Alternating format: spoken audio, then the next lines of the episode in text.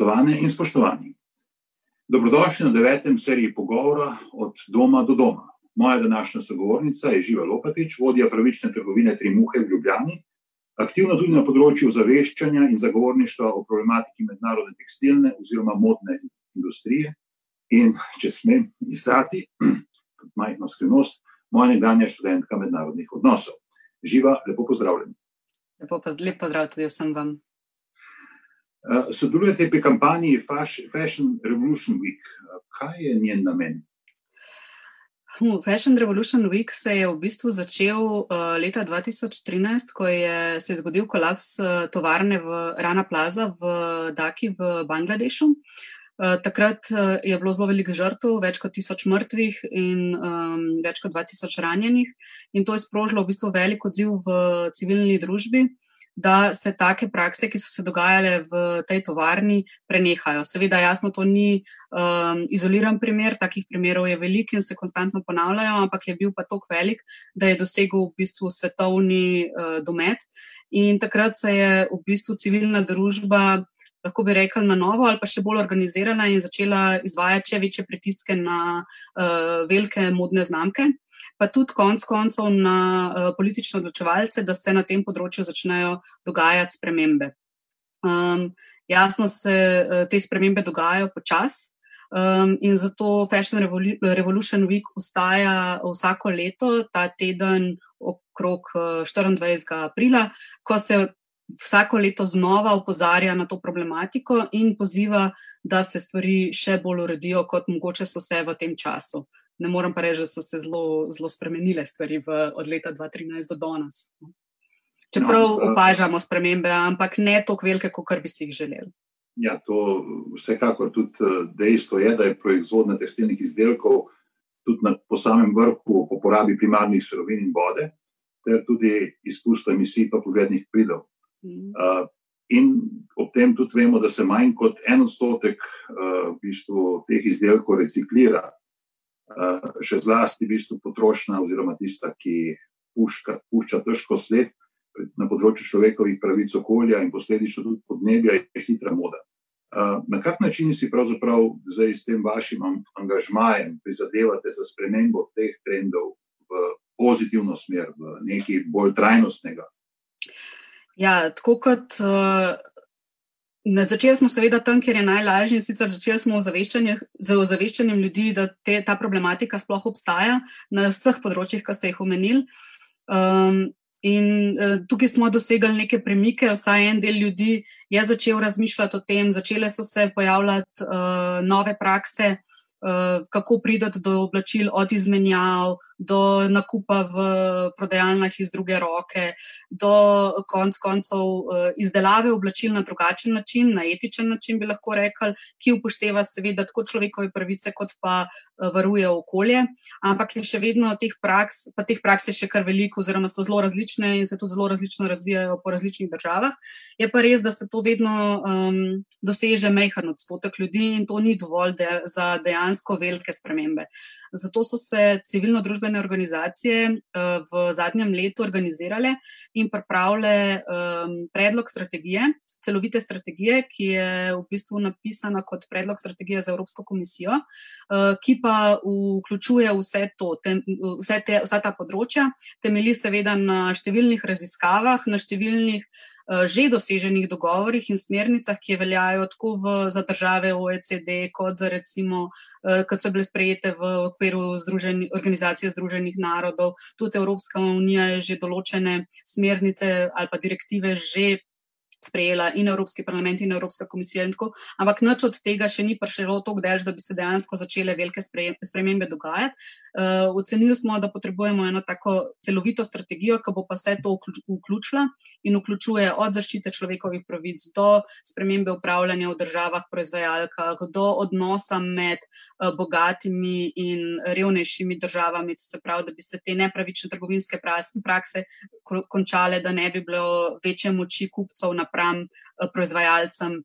Potem um, vključuje krožno ekonomijo, manj izrabe uh, resursov, svežih resursov, večja uh, reciklaža, skratka, popolnoma novi dizajni um, izdelkov na koncu. Um, in tako naprej. Skratka, veliko teh stvari vključuje in zelo celostno naslavlja to problematiko. Tako da upamo, da bomo lahko v naslednjih letih se o teh stvarih veliko bolj um, učinkovito pogovarjali tudi z odločevalci na tem področju.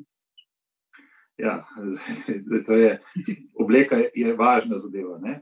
Zelo pomembna. Mi imamo tako lep pregovor, obleka naredi človeka. Ampak eh, kaj bi, glede na to, kaj je namen te kampanje, kako danes živimo, s kakšno krizo se soočamo, pravzaprav bil pomen tega, oziroma katera obleka naredi, po vašem mnenju, človeka, oziroma kako si danes razlagate ta pregovor. Ja, tako je. Mi v bistvu ta pregovor uporabljamo že od 2015, ko smo aktivni v Sloveniji. Smo dejansko vsem aktivnostim, ki jih delamo, dajemo zelo radi naziv, kar obleka naredi človeka. In tudi zdaj le prijavljamo eno, uh, sestavljamo en uh, projekt, ki smo mu dali prav tako naslov Obleka naredi človeka, zato ker to razumemo iz dveh smeri. Eno je, da pač ne želimo vzeti tega, kar obleka dela res tistmu, ki jo nosi. Uh, obleka namreč je zelo pomembna ker, um, za posameznika, zato ker konec koncev je nek podaljšek posameznika in izraža tudi neka stališča ali pa kdo ti si, izraža, pomagati izražati se v glavnem. In tega v bistvu ljudem ne smemo vzeti oziroma nočemo vzeti. Ne. Na drugi strani ja, je pa ta uh, bolj smiselen za nas, kot če človek, ki dela obleko, je uh, obravnavan kot človek, to se pravi, da mu niso kratene človekove pravice, a ne potem lahko ostane človek in tudi v tem primeru ga obleka dela človeka, ker mu zagotavlja neko uh, dostojno preživetje. Um, kar pa nažalost pri oblek, oblačilih zelo velikrat ni tako. Ja, ne, najverjetneje je zdaj le še, še toliko slabše, v bistvu, ko je ta korona ja, kriza in ta moč ali pa ne moč se, se pravzaprav na tej strani proizvajalcev še veliko bolj čuti, kot, eh, kot, ker vse se je selili pravzaprav v Azijo. Ne? Uh, ja, pa ne samo v Azijo. Mislim, če pogledamo samo v Bangladeš, oziroma pač večina oblačil, ki pridejo v Evropo, pridejo iz Bangladeša. Tako da je en tak zanimiv podatek.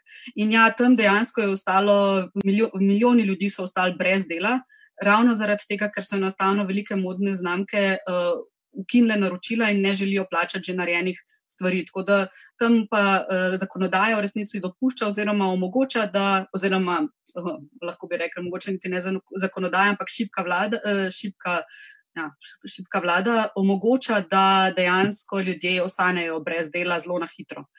Um, ampak moramo pa tudi vedeti, da tudi v Evropi v resnici sta dve zelo veliki tekstilni državi, oziroma zelo velik tekstila se naredi v Španiji in Italiji, ki sta bile zelo prizadete strani uh, COVID-19, kar pomeni, da tudi tekstilna industrija v teh dveh državah uh, trpi in tudi vsi, ki delajo v tekstilni industriji v teh dveh državah, v bistvu so zelo nastradali. Tako da ni stvar samo delati stran od nas v Aziji, ampak je tudi v bistvu pri sosedih. Ja.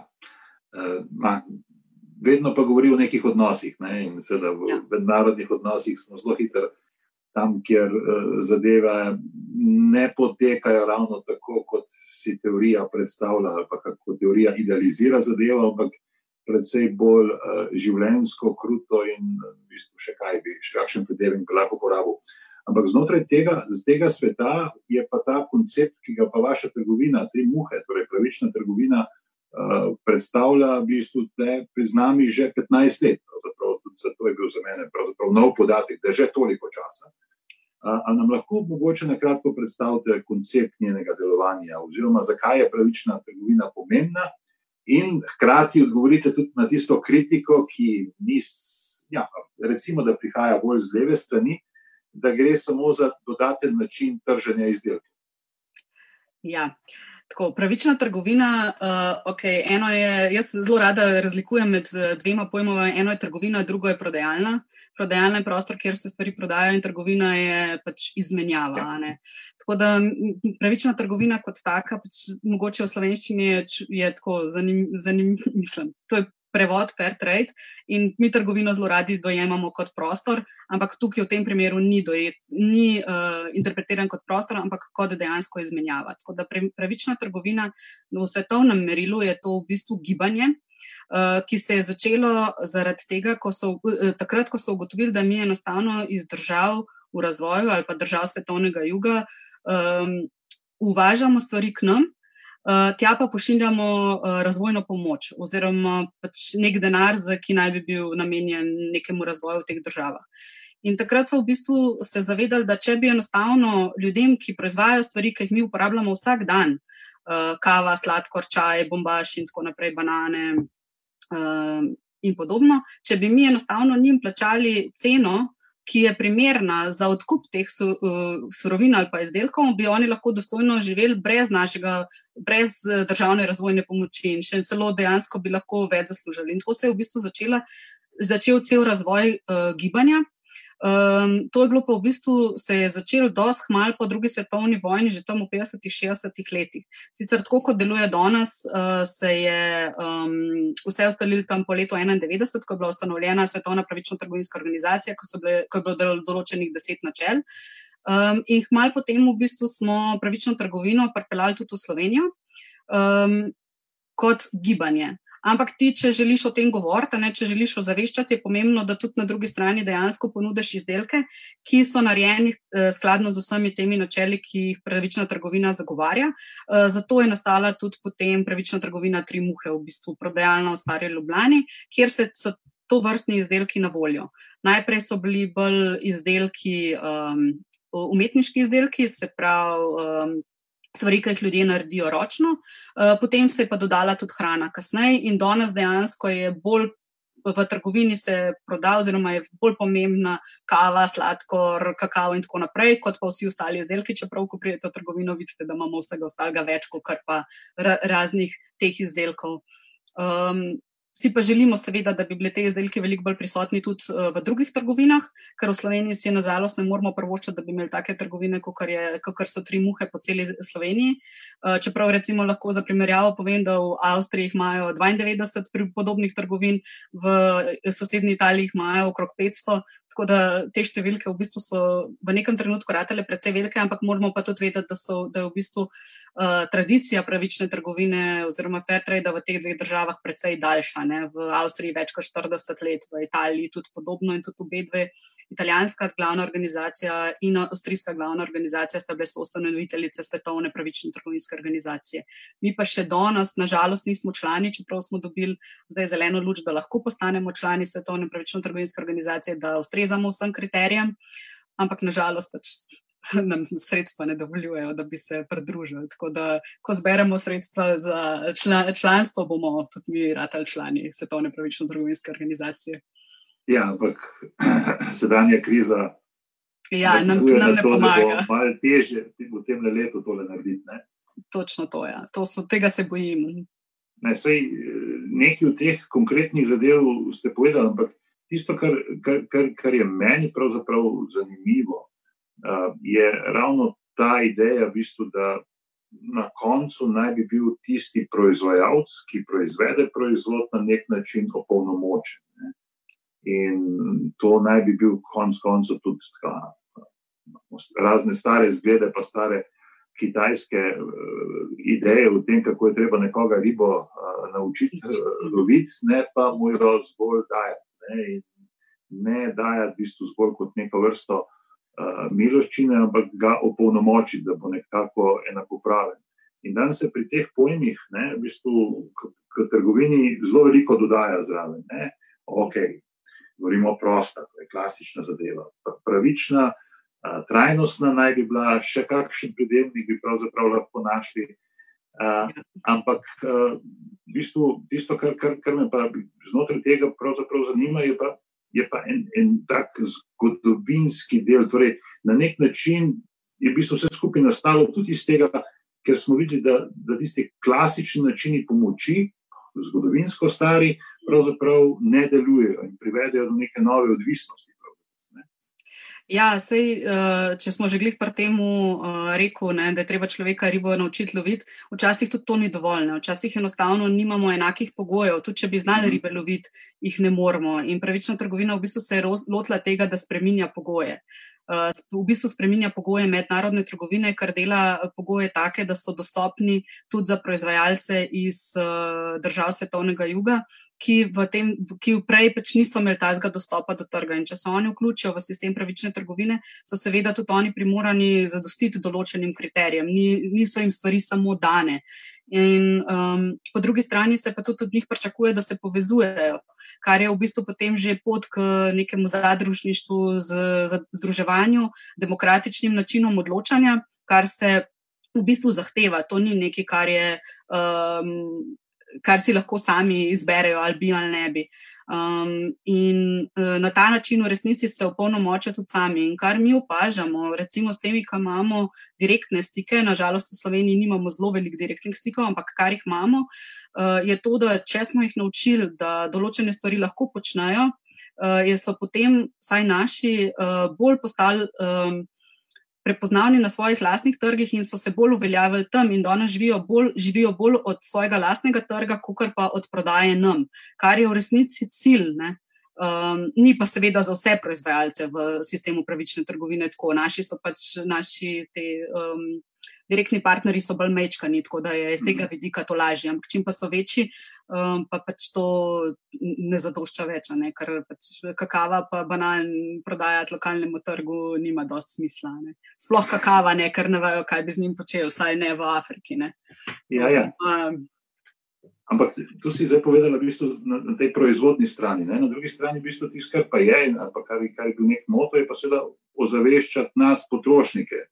Ja. Tukaj se pa najverjetneje situacija med državami razlikuje, generacijsko se razlikuje, kako je s to zadevo, kako ljudje to pravzaprav dejansko razumejo. Jaz sem to videl, v bistvu, rekel, nekatere generacije študentov so bile zelo za, nekatere pravzaprav niti nisem imel občutka, da to opazijo, da obstaja.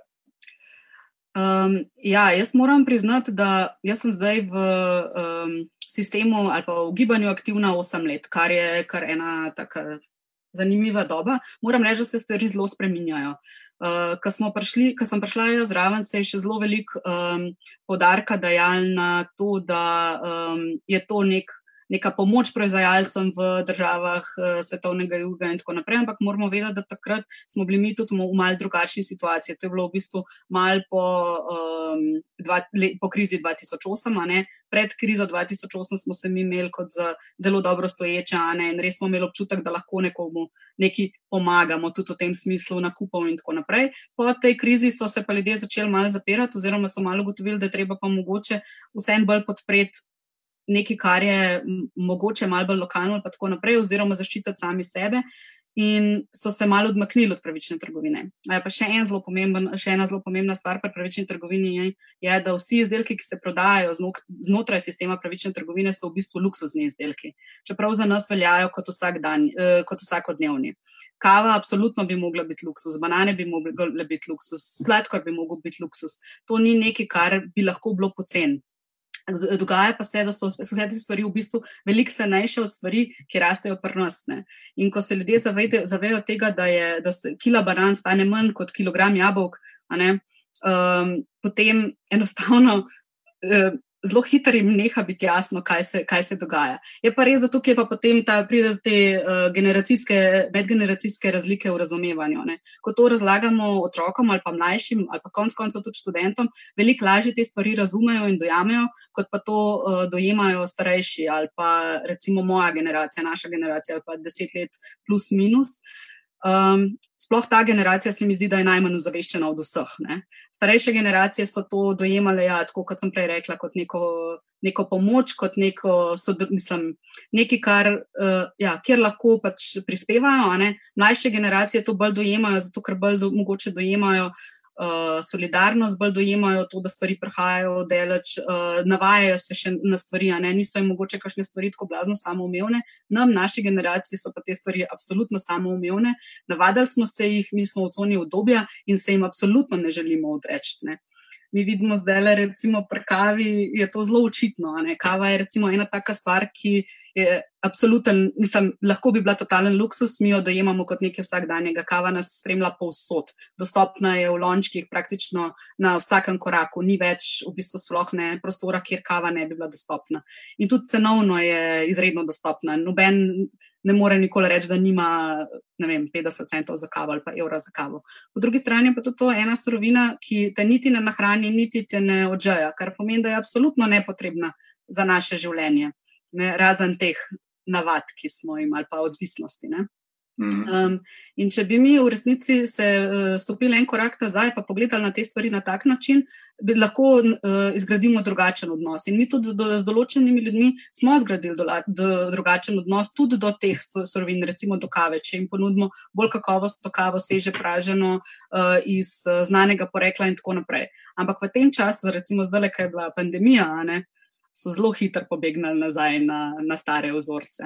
Niso ostali zvesti temu, da bi dejansko sledili um, temu, da bi še vedno uporabljali samo to ali pa izključno to kavo. Ne?